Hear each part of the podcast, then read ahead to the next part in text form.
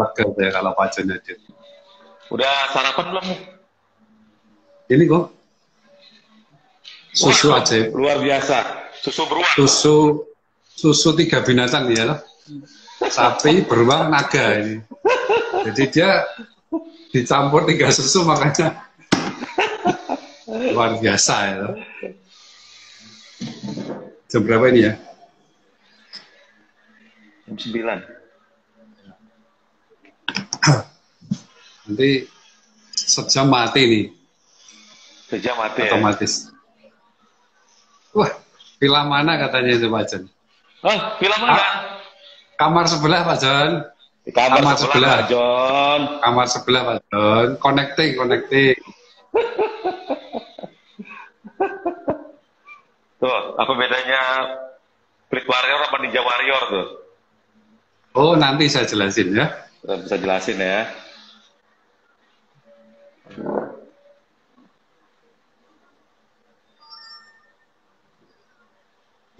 Yang disapa Pak John Mului, pagi Pak John terus sih. Jadi minggu naikkan Pak John ya, setuju Pak Irwan? Setuju. Temanya kalau Pak John itu motivasi kayaknya cocok. Motivasi. Ya motivator, vibrator dulu soalnya.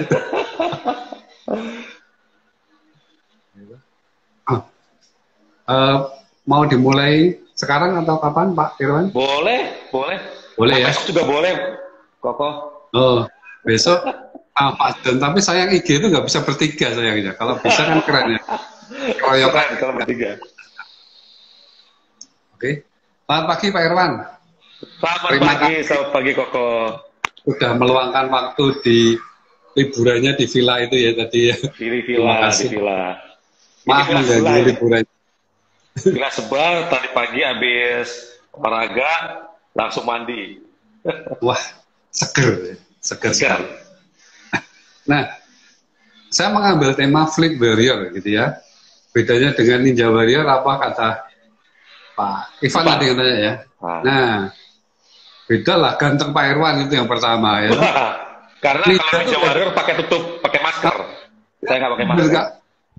nggak berani tan- tunjukin muka gitu loh. Terus kenapa warrior? Karena kita ini peperangan gitu ya. Betul. Setiap hari kita berperang. gitu.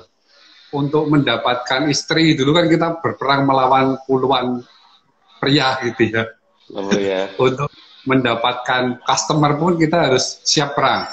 Memang ada kalah, betul. tapi karena ini warrior, nah Pak Iwan ini menang terus fleetnya. Nah, Nah, kita mau amin, korek-korek, amin. Kita korek-korek, gitu ya. Monggo yang mau bertanya silahkan diketik aja, nanti kita jawab. Terutama Pak Irwan jawab, gitu ya. Jadi saya berharap event ini pagi ini bisa membuat kita ini tetap semangat tempur, gitu ya, supaya aura warriornya Pak. Irwan tuh menular nyetrum, bilang- nyetrum ke Kalau kita. saya gitu. bilang aura kehidupannya mulai harus bangkit lagi Ah, setuju. Di tengah Lawan. pandemi. Ya gitu toh. Nah, mul- mulai cerita sedikit aja Pak. Mungkin satu pengalaman yang lucu atau yang menantang ketika mencoba masuk ke flip gitu aja Pak. Mungkin terlintas di benak Pak Irwan pakai ini gitu. Ya, memang kalau saya boleh sharing ya, eh, dulu sekitar tahun 2005 ya, 2005-2006, Oh, saya baru lahir. dulu. Nah, Saya baru lahir itu. 2006, flip, flip, flip, flip. Oh. Flipnya ya, flipnya baru baru lahir flipnya. Itu tadinya juga bingung, Koko. Ini kayak gimana ya? Kita mau menjalani seperti apa ya? Cuma kembali lagi, eh kita ini punya passion nggak di situ? Gitu ya. Passion dulu ya. Ada ada, passion. ada passionnya nggak kita di situ? Karena percuma ketika kita eh, di dalam tim plate kalau kita nggak punya passion percuma karena jadinya nanti akan seperti terbeban. Ya, fleet susah sih Pak ya. Betul, betul. Ribet. Karena fleet itu nggak nggak seperti retail yang berhubungan dengan satu konsumen, ya. Kalau fleet kan dia banyak apa namanya hierarkinya, wah mesti ke purchasing, setelah itu nanti approval sampai ke direksi. Hmm, hmm, hmm, hmm. Jadi Nah, waktu itu passion Pak Iwan awalnya. sebenarnya waktu itu awalnya saya waktu di Fatma itu bisa dibilang awalnya kecebur awalnya awalnya semua Di- begitu kok ya kecebur dulu ya kecebur dulu Di- ditulis Pak ya? Eh, dicorokin dicorokin dicorokin dicorokin Dijorokin. dicorokin. Tapi ketika masuk ke dalamnya, akhirnya eh, ya kembali lagi bahwa tujuan kita apa nih? Akhirnya kita di dalam perjalanan waktu bisa banyak mendapatkan eh, experience di dalam itu ya. Bahkan hal-hal yang mungkin kita tidak tidak pernah alami di sini banyak pengalamannya. Kadang-kadang kalau sales itu kan, wah mereka takut nih, takut untuk eh, ke konsumen fleet. Kenapa? Satu, ah mungkin waktunya untuk pembeliannya lama. Kedua, terlalu banyak eh, jenjangnya gitu ya untuk approval dan lain sebagainya. Ketiga, yang terpenting adalah wah takut ditolak karena banyak kompetitor gitu kok. Iya, iya, iya. Ini pertanyaan saya simpan dulu ya. Ya, Ya. Eh, awal pertamanya Pak, fleetnya apa Pak? Kalau masih ingat Pak? Saya Itu kan- awal pertama itu sebenarnya eh, pertama kali pertama kali itu waktu tahun 2005 ya 2005 itu kebetulan kebetulan waktu itu suruh ngerjain eh, Indofood Indofood Indofood waktu itu eh, BM-nya masih Pak Frans ya Pak Frans. itu sekitar tahun 2005 lah kebetulan pengambilannya banyak kok awalnya juga nggak ngerti ini seperti apa karena mereka ini yang di purchasing ini biasanya yang di bagian otomotif mereka orang-orang berpengalaman lah dari sisi spek mereka lebih eh, lebih Jago ngerti gitu ya ya. jago, Jago. apalagi soal soal tawar ya. Nah, awalnya kita memang kalau saya bilang ya eh, lucu juga. Awalnya seperti kita mengemis, wah supaya order ini dapat ke kita karena banyak sekali eh, apa kompetitor lah, kompetitor yang masuk. Ya awalnya seperti mengemis, ayo lah Pak segala macam. Sampai kita itu, eh, saya pribadi karena waktu itu ditunjuk jadi operasional di saya. Jadi dari awal eh, tender sampai akhir. Jadi yang kejadian lucu ini ternyata awalnya seperti kita seperti mengemis, ternyata pas dapat project, pas dapat project, singkat cerita sudah berjalan sekian eh, bulan, kok nggak dibayar gitu ya. Jadinya di situ memang timbul apa ya? eh, ini yang diperlukan juga sama sama tim fleet ini adalah dedikasi. Dedikasi. Gimana dia all out di dalam eh, pekerjaannya, all out di dalam eh, mengerjakan suatu project. Kadang-kadang ketika sudah di tengah, ah mundur aja deh. Kan mungkin koko ngerti orang kadang-kadang, aduh di nih sudah Iya, lama prosesnya, maaf, lama ya lah. Iya, panjang dan lama juga gitu ya, panjang dan lama. Tetapi mungkin mereka ada sebagian orang eh, berpikir eh, nggak setimpal dengan nggak worth it lah gitu ya dengan dengan apa yang didapat gitu kan. Kadang-kadang orang berpikir seperti itu. Tetapi kembali lagi kita lihat, wah ini goalnya apa nih? Kalau kita mikirnya kayak gitu, saya pikir terlalu apa ya, terlalu cetek banget lah ya. Jadi eh, saya terusnya sampai akhir, terus sampai akhir, sampai saya jadi debt collector juga gitu ya. jadi debt collector juga gitu. Sampai itu namanya orang direktur sampai ke direktur. Dulu kita mau ke direkturnya saja waktu mau eh, tender susah. Di rapat semua pembayaran saya sampai ke direktur gitu. Sampai ke direkturnya kita eh, saya tagih segala macam karena dari manajemen minta segera diselesaikan, saya tagih. Tapi mereka seperti ketakutan karena dioper-oper, banyak dioper-oper. Oh kemari, kemari, kemari. Nah, itu yang pertama waktu di Indofood. Tapi dari situ menjadikan kita uh, kuat ya Koko ya. Menjadikan pengalaman. kita lebih tough lah, pengalaman ya. Menjadikan kita lebih tough. Ya sebenarnya banyak lah kalau kalau diciptakan. Apalagi kalau kita uh, di fleet ini memang bicara juga mengenai experience dan jam terbang gitu ya. Banyak kita menghadapi konsumen-konsumen, bukan hanya konsumen yang real, tapi konsumen fake juga banyak lah konsumen palsu gitu pokoknya. Oh, iya. Banyak ya. Oh dia minta ini, nah. minta ini, ternyata setelah kita dalami, wah itu palsu, palsu, banyak. Kayak cerita ya waktu lalu. Ya, nah, sebenarnya untuk mendeteksi seperti itu juga gampang sih kok sekarang ya. Hmm. Untuk mendeteksi, mendeteksi seperti itu gampang.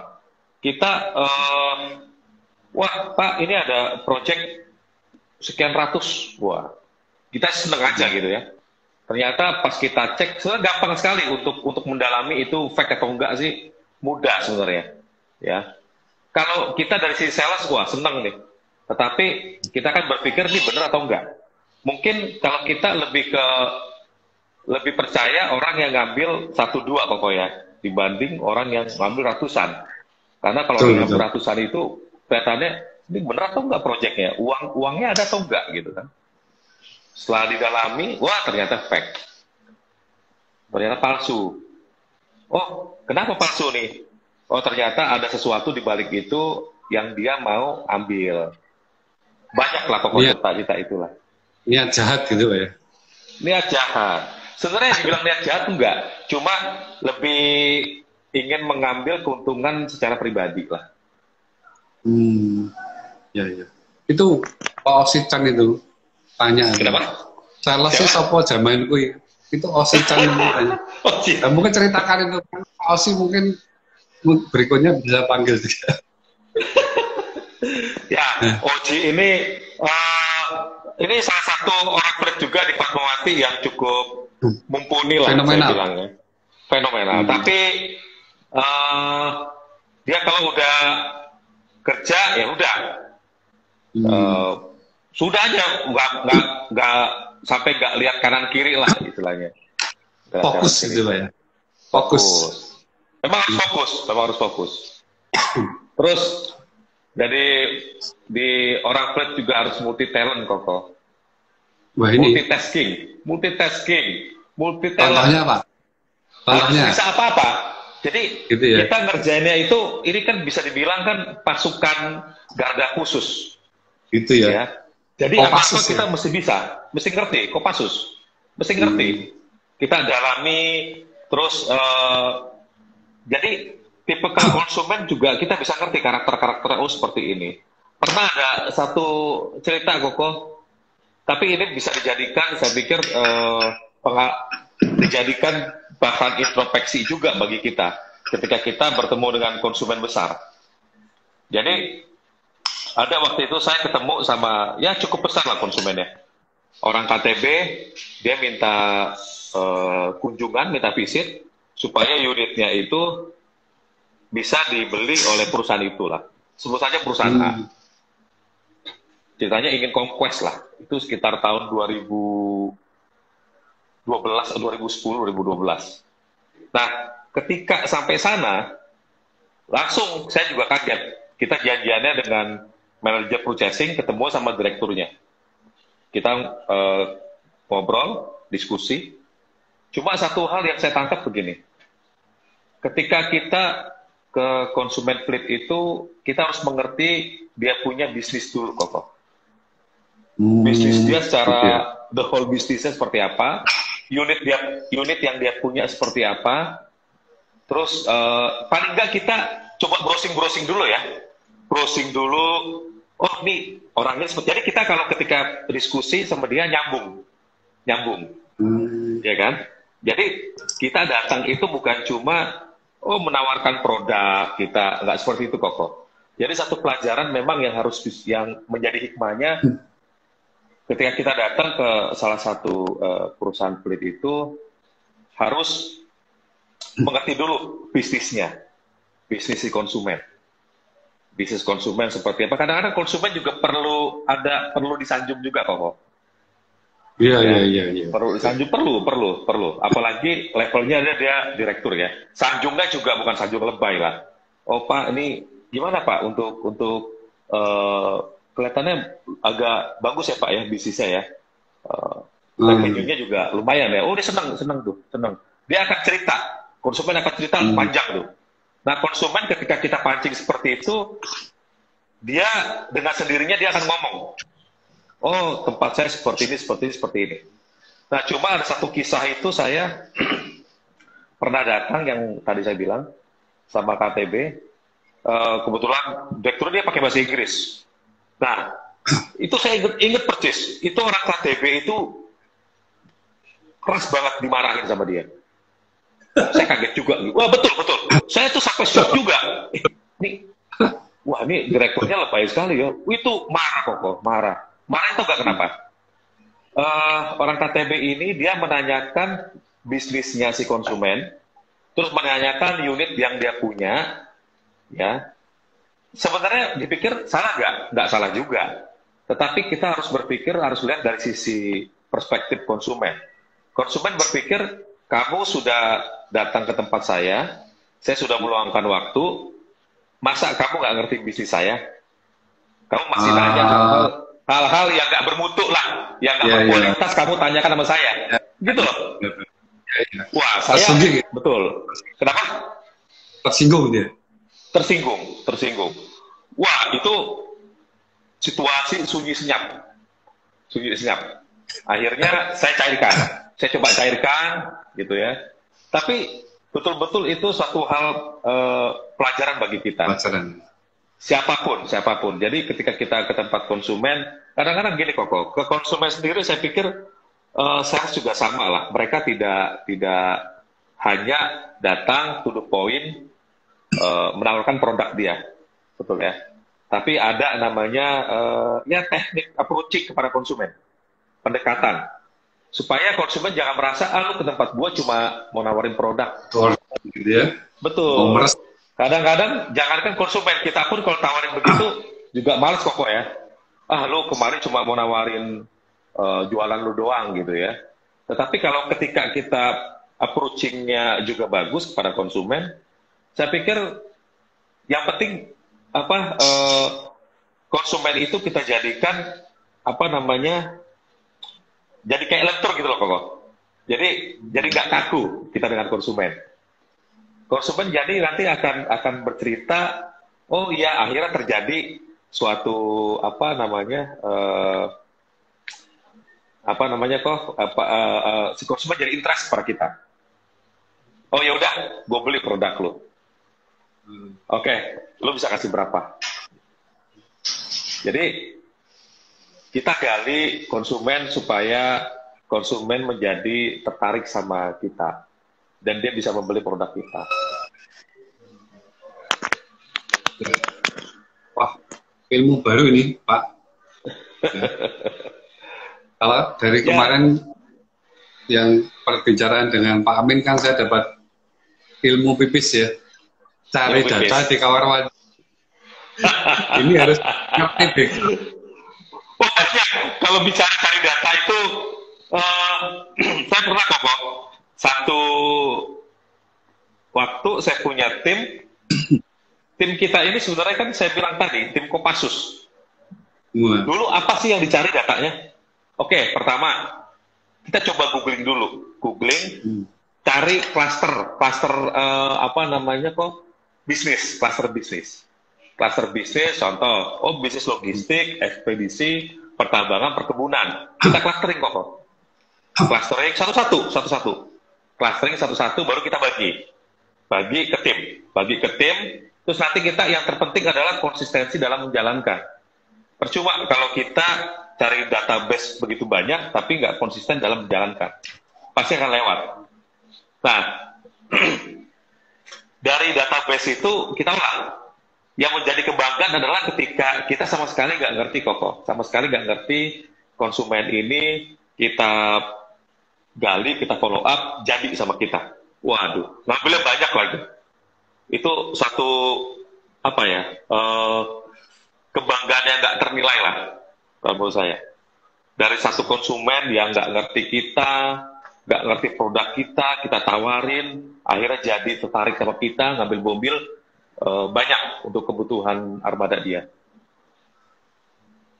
Saya sampai dulu pernah di satu gedung, oke, okay, canvassing satu gedung, gedung, semua dari lantai satu sampai lantai 50. Gimana caranya? Kan pasti nanti ada security. Yeah. Security akan tanya, betul ya? Security pasti akan tanya, akan tanya mau ke lantai berapa, bertemu dengan siapa. Itu ada teknik ya kok. Hmm. Itu pasti akan diusir sama security udah pasti. Pasti akan diusir. Seribu persen pasti akan diusir. Yang pertama, uh, kita jangan jangan pakai kita punya embel-embel seragam. Oh iya. Yeah, yeah. Pakai formal aja biasa, formal biasa. Bilang terus uh, kita sama sekali blank nih. Kita mau ke mana ya? Cuma kita ngeliat ada satu PT. Katakanlah PT Kolang Kaling, ya. PT Kolang Kaling bilang Pak, saya mau ke PT Kolang Kaling bertemu dengan Bapak Rudi. Di lantai berapa? Kita kan lihat lantai 15. Oh, lantai 15, oke. Okay. Dicatat, kasih KTP. Kita naik ke sana. Padahal kita nggak kenal. Nah, berawal dari situ baru kita bisa kan yang yang penting kan di di security di bawah. Kalau kalian udah sampai ke atas, gitu, ya udah lolos security bawah, kita bisa ke beberapa lantai. Itu kita bawa penawaran, memperkenalkan pokoknya. Dulu masih pakai istilahnya manual Selain selain uh, kirim penawaran by email ya, kita bawa brosur, bawa penawaran, memperkenalkan diri, kartu nama di staples, masukin, taruh di resepsionis masing-masing perusahaan. Dari lantai itu 115, baru kita selusurin semua ke semua lantai. Ada hasilnya nggak? Ada yang telepon? Ada yang telepon. Iya. Jadi, ya itulah sales. Sales ini harus punya kreativitas yang tinggi harus punya inovasi. Ya, kalau cuma sales itu hanya menunggu atau melakukan hal-hal yang uh, biasa saja, saya pikir samalah dengan sales-sales yang lain. Ini mulai menjawab pertanyaan teman-teman ya Pak Iwan. Hmm. Ada yang ngomong bagi dong customernya gitu. Saya ngomong gak usah dibagi, ini ilmunya ini lebih penting, lebih mahal ya. Iya. Nanti bisa kursus pribadi sama Pak Irwan. Sejam tiga. Terus ini tadi Bu Evelyn nih harus dijawab ini. Kiat apa dapat split besar? Sukanya besar-besar nih Bu Evelyn. Ya. Kiatnya besar. Gimana? Gimana?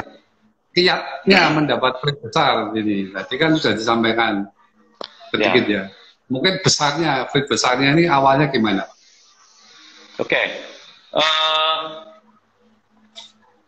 dulu saya pernah dapat itu uh, sekarang masih di prospekin ada satu satu konsumen lah besar juga besar perusahaan pertambangan ini saya ceritain itu dapatnya dari mana sebenarnya dulu dia udah pernah ngambil dari uh, tempat lain tetapi karena ada satu kelas uh, Putus enggak, putus enggak, cuma kecewa.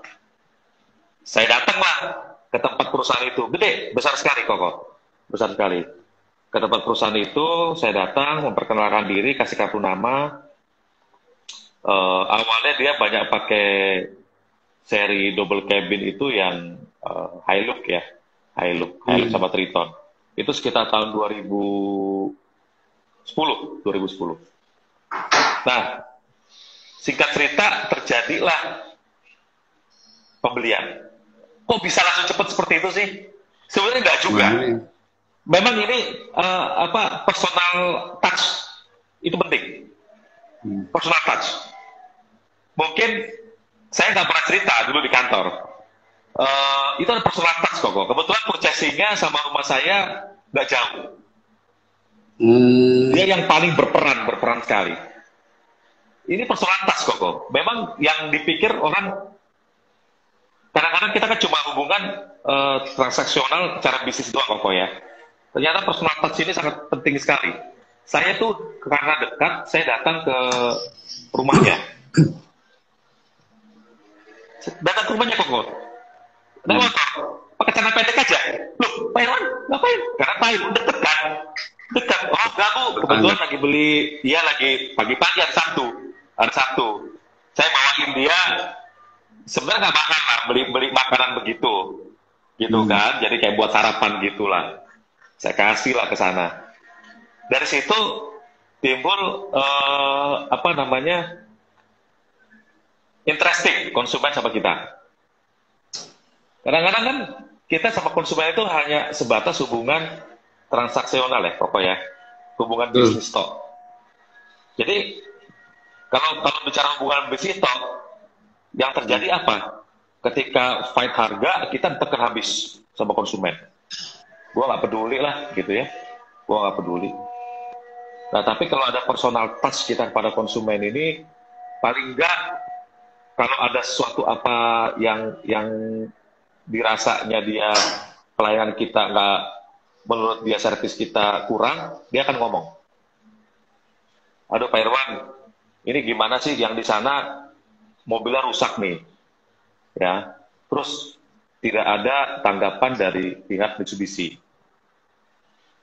Ya saya datang. Datang pun suka ke kantor, suka ke rumahnya juga.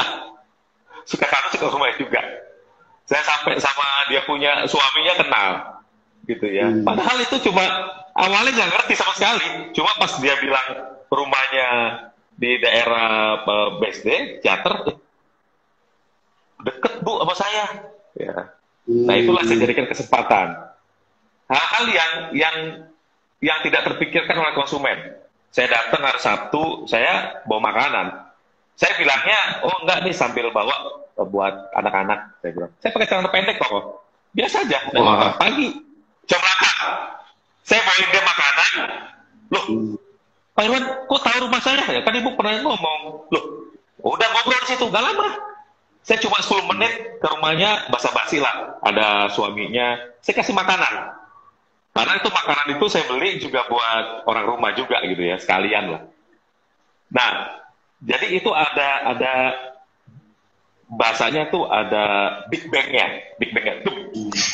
Nah, kena tuh hatinya si konsumen tuh.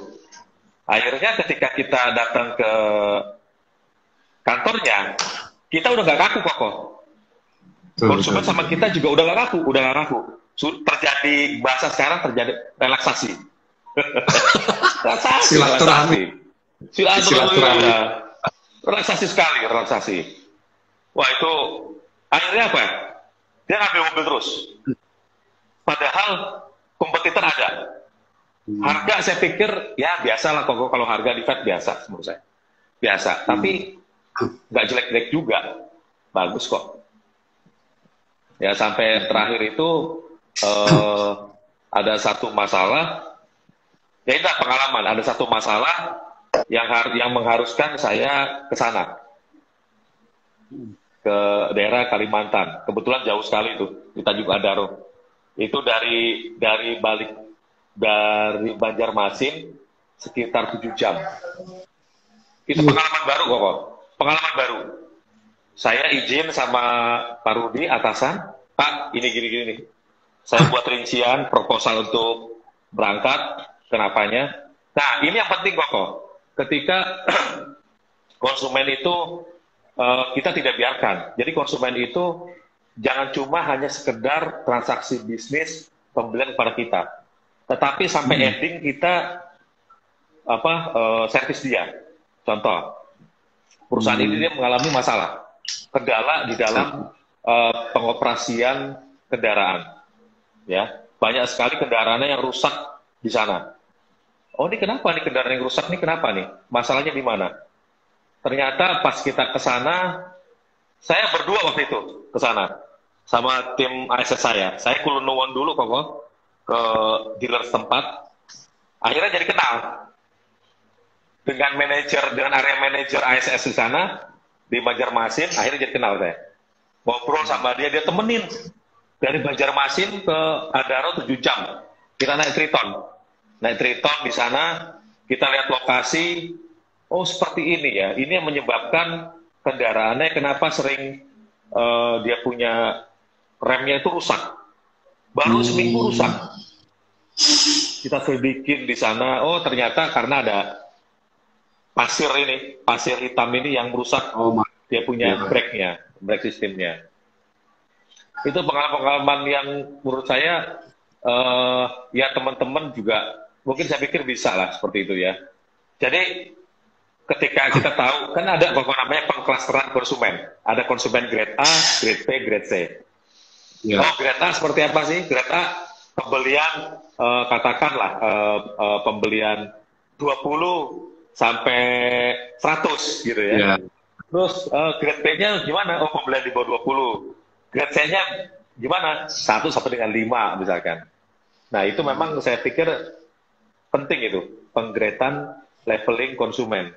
Jadi kita tahu, oh konsumen Greta ini me, uh, cara treatmentnya seperti apa, grade B ini treatmentnya seperti apa, grade C ini treatmentnya seperti apa. Kalau di Semarang, grade C semua Pak, di bawah 5 rata-rata. Tapi kalau kalau di Semarang mungkin masih enak kok ya. Orangnya adem-adem gitu ya. Konsumennya mungkin adem-adem. Belum tentu. Kalau sini orang Jakarta. Ya makanya gimana sama aja kan. makanya sebenarnya si Elsa Semarang lebih bagus. Kenapa? Ketika telepon, oh gimana dealer ini? Oh wes api. Good katanya. Saya menyapa dulu ya Pak Firman ya. Menyampaikan ini begitu kita bahas personal touch itu Pak pun MT Haryono langsung keluar saya bingung. Jadi bulan depan saya akan ajak Pak Aang Sitomang untuk membahas personal touch mungkin karena itu keahliannya Pak Aang gitu. Oh iya, personal touch ya. Num, numpangi itu begitu ada istilah personal touch semua pada komen tadi Pak luar biasa. Ya. Berarti ilmu personalitas ini perlu digali lebih lagi, Pak Ang ya. Siap ya, Pak Ang ya. Mungkin tidak cuma untuk fit ya, hampir semua itu, Pak ya. Cuman hmm. kalau fit lebih lagi begitu kurang lebih, Pak. Pak betul, ya. betul, betul, betul. Nah. Gimana nah. caranya si konsumen ini uh, tetap retention kepada kita ya pembeliannya. Betul. Kalau, Jadi kalau pengalaman pribadi, saya lihat status pak, Hah? status WA, YBS kalau jualan bakso, saya beli baksonya pak.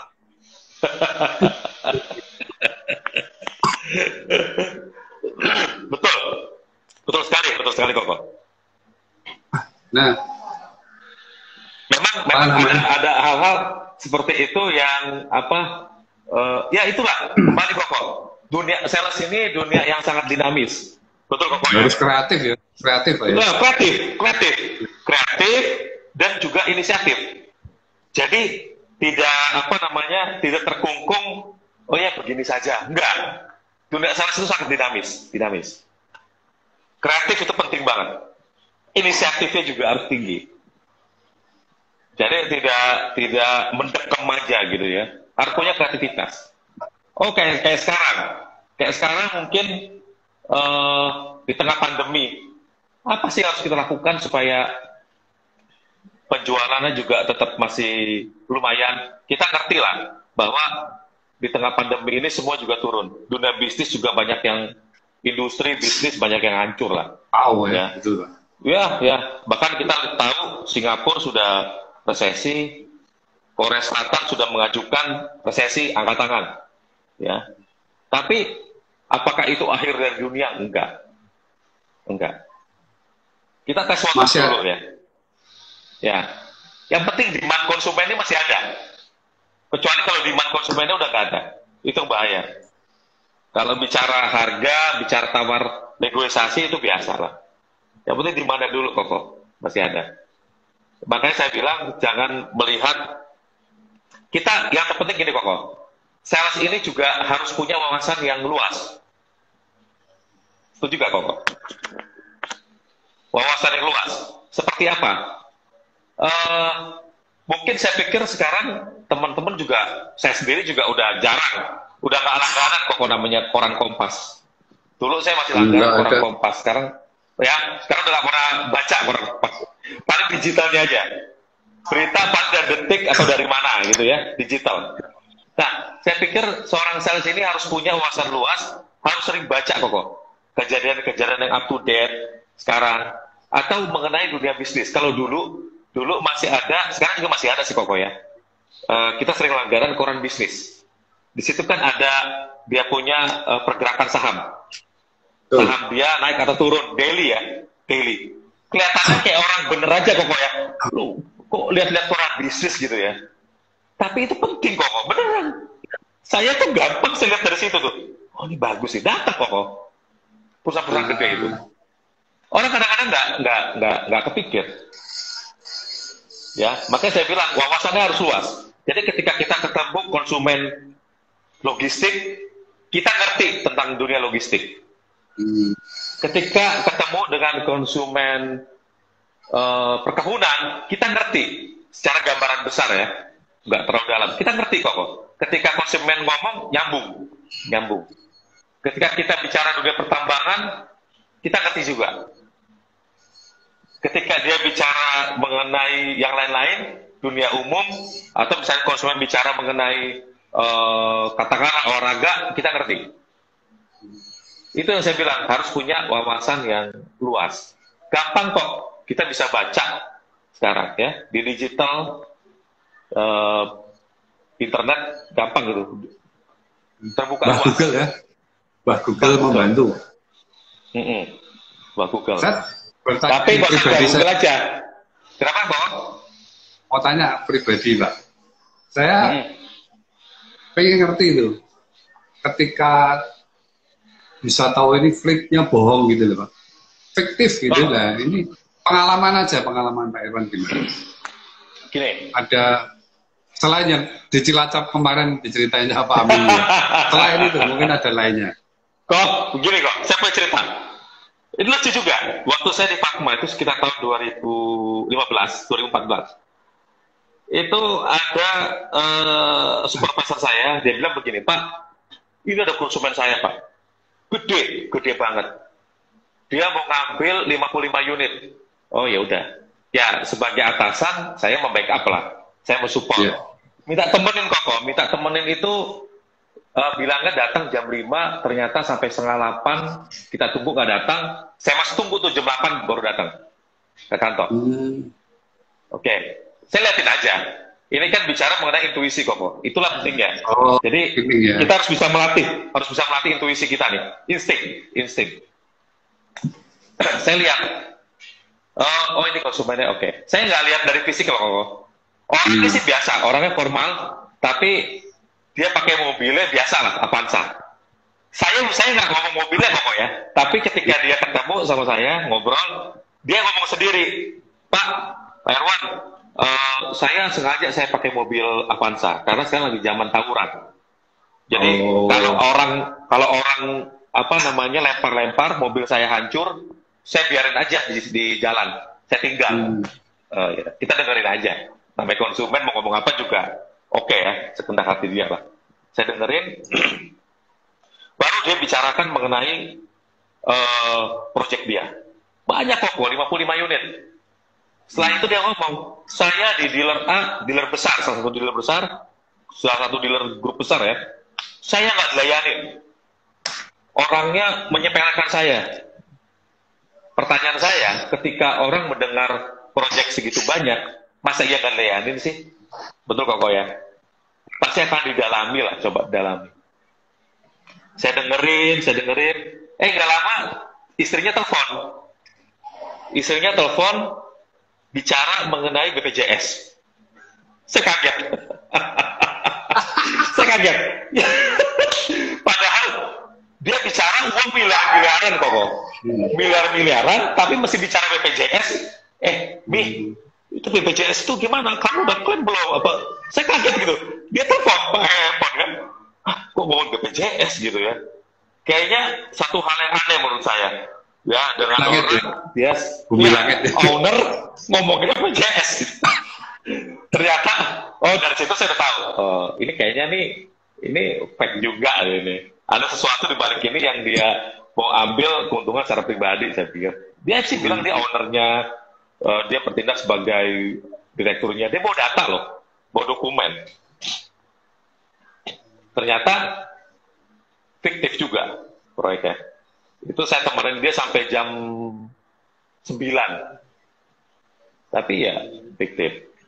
fiktif. Banyak untung belum jadi, belum makan-makan ya untung ya. Belum, untung belum makan-makan. Kalau udah makan-makan kita keciwi. Mau klaim kantor juga lucu ya. Gak bisa lucu. ya, memang uh, intuisi kok. Ini harus dilatih.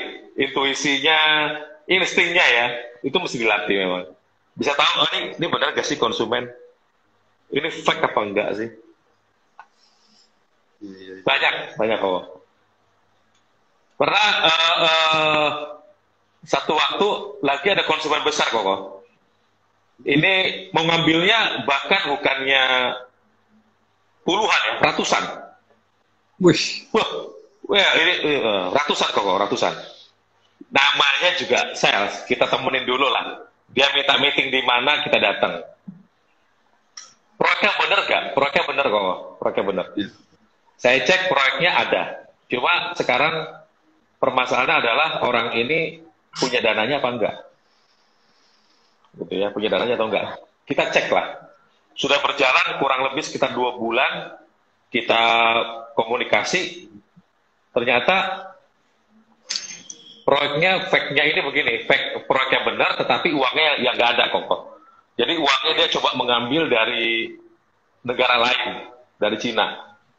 Dia mau datangkan ke Indonesia dalam bentuk Kan nggak bisa kan kalau uang, ya uang itu dari Cina itu sengaja-ngaja kirim uang ke Indonesia dia kan nggak bisa. Harus berbentuk barang, harus berbentuk unit. Ternyata, wah ada juga. Ternyata orang-orang sekarang lebih canggih. Dia mau ngambil keuntungan, mengeruk itu dengan cara-cara seperti ini. Itu sudah berjalan dua bulan, tiga bulan, saya mundur, saya udah tahu, wah ini nggak bener nih. Buang waktu, saya bilang proyek-proyek lah kok. Kembali lagi kok jam terbang. Intuisi kita harus kuat gitu. Kalau ada yang ngomong nih, wah indera keenam katanya Pak Irwan tuh punya indera keenam. Sebenarnya bukan indera keenam ya, tetapi hal-hal seperti itu bisa kita latih kok, bisa kita latih. Ya, uh, memang nggak ada nggak ada faknya kok nggak ada kuliahnya gitu tapi kita bisa latih. Berdasarkan apa? Ya dengan kehidupan kita sehari-hari dengan konsumen. Kita bisa lihat loh. Uh, gestur gestur konsumen ya, kita benar. bisa lihat ini benar atau atau enggak konsumen ini uh, apa ngomongnya benar atau enggak kita bisa tahu loh kok hmm. body language-nya dia punya air mukanya kita bisa tahu. Jadi saya bukan psikolog, ya, tapi ketika ketika konsumen seperti itu saya udah berhenti, oh ini konsumen nggak nggak beres, nggak beres. Sama halnya koko kita nyari sales lah, ya. Oh betul. betul. Kita rekrut sales, rekrut sales. Paling nggak kita kan mesti ketemu ngelihat salesnya ya. Kita tahu nih sales kayak gimana, atap kita seperti apa, air mukanya seperti apa. Ya. Pernah dulu ada satu waktu uh, sales ini saya udah bilang, wah kelihatannya ini nggak beres sales ini. Saya bilang 50-50 saya mau ambil sales ini. Saya agak nggak nggak serak lah, nggak serak. Wah jago jualan pak segala macam. Saya nggak serak lah, 50-50. Cek dulu ke rumahnya, saya bilang. Nah ternyata supervisornya lupa ngecek ke rumahnya. Bukan lupa, dianggap gampang lah, dianggap gampang. Ternyata menimbulkan masalah kan. Setelah dua bulan, tiga bulan melakukan fraud, fraud besar lagi, ya. besar. Ya, ya itulah kembali kok intuisi, bukan indera keenam. Kalau indera keenam, kayak cenayang ya. Jam terbang. ya. Pak Irwan tuh tahu dari customer aja dia tahu mau beli atau enggak katanya. Saya kayak orang Madura. Iya, iya. Ya, tidak terasa nih hampir sejam loh Pak Irwan. Wah, masa? Ya? Iya, ini jam 9 kurang 10, 10 kurang 10 nih Pak Irwan. Hmm. Pedot ini. Nah, saya sedikit karena yang kemarin-kemarin itu belum resume udah pada putus. Betul, betul. Nah, beberapa yang saya rangkum yang moga bermanfaat buat sekitar 30-an pendengar. ya. Yang pertama passion ya. Betul. Meskipun digorokin tapi akhirnya bisa punya passion gitu ya. Yes. Terus yes. akan muncul pengalaman. Nah, pengalaman itu akan membuat kita punya intuisi gitu kurang lebih begitu Pak Irwan ya. Betul, betul Koko. Tinggal kita melatih personal touch dan kreativitas. Betul. Pak Ang akan siap untuk berikutnya kita akan gali dari Pak Ang. Gitu. Mungkin pertanyaan terakhir dari teman-teman mungkin ada lagi nggak bisa diketik? Karena ini nanti putus ini kalau nggak tinggal putus ya. Tinggal tiga menit. tinggal tiga menit. Sudah tadi kan sembilan kurang lima kita pak ya. Ini hmm. sudah kurang. Tinggal lima menit lagi kurang lebih. Nah mungkin cerita lagi sedikit pak, yang lucu aja soal fit. Mungkin biar kita jadi semangat dan tidak takut. Kalau kalau kita takut dengan fit, mana bisa masuk ke situ gitu loh pak. Betul, betul, betul, betul. Kalau kita takut, kita belum memulai, kita udah jiper dulu lah kok. Itu gimana ya. mau bisa berhasil? Ya, jadi uh, kalau kejadian lucu itu sebenarnya ada beberapa lah kok. Ada beberapa hmm. kejadian lucu yang yang pernah saya alami di di Fleet ya. Uh, ada satu waktu saya ke sebenarnya bukan kejadian lucu, apes juga sih, apes. Oh, apes. Saya waktu itu punya motor kok, baru beli, baru beli. 2010, 2010. Itu lagi ganteng-gantengnya kok, motor Mega Pro merah, ya. Waduh, itu belum ada plat, belum ada plat. Saya pakai, udah kasih aksesoris gitu ya. Uh, ke konsumen itu, saya konsumen, ke konsumen itu salah satu perusahaan di Jakarta, uh, perusahaan besar juga. Saya nego untuk pembelian rencana pembeliannya sama mau nagih uh, eh, BBM. Saya sama sales, sales saya udah duluan. Saya nyoba Ryan lah koko, Ryan koko. Ketika Ryan konsumen itu sudah jalan, pas pulang, saya pulang malam, uh, saya cukur rambut koko, cukur rambut, potong rambut, cuma lima menit koko, motornya hilang. Oh. Apa? itu wakaf, wakaf dulu supaya perintah lancar mungkin Pak. saya juga heran kenapa saya masih pakai motor itu. Itu juga saya lagi pikir, oh. kok kenapa saya masih pakai motor? Mungkin karena motor datangnya baru, saya udah kasih macem-macem gitu ya, mau nyoba lah gitu ya. Itu hilang langsung di situ. Aduh, sedih juga lah. Tapi sudah balik tuh Pak dengan hasil fit yang lainnya sudah. Oh amin balik. amin. Ya itu kembali lagi kok uh, di mana pun tempat kita bekerja, semua orang mencari uang, betul kok ya? Betul. Ya.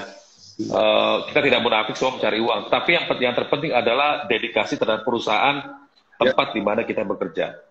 Setuju, setuju sekali. Ya. ya. Yang penting kita mau berikan apa terbaik untuk perusahaan. Siap. Terima kasih buat waktunya. Terima kasih buat ilmunya. Terima kasih buat teman-teman yang sudah mendengarkan obrolan. Terima kasih teman-teman semua yang sudah mendengarkan, Kok Hotel.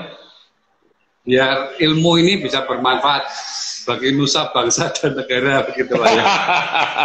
Mungkin next next next week huh? bisa sharing juga teman-teman lain ada Pak John, Pak Fendi, ya. ya. Saya lagi nawar ini Pasti. Pak John per jamnya per jamnya 50 juta mintanya saya ah, belum Cuma masalahnya Pak John itu mesti dibayar pakai dolar ya. Nah, betul. Rate-nya beda rate-nya, Pak. Rate beda, rate beda, rate beda. Oke, okay. Pak Irwan, terima okay. kasih. Thank you semua, thank you. Thank you teman-teman semua.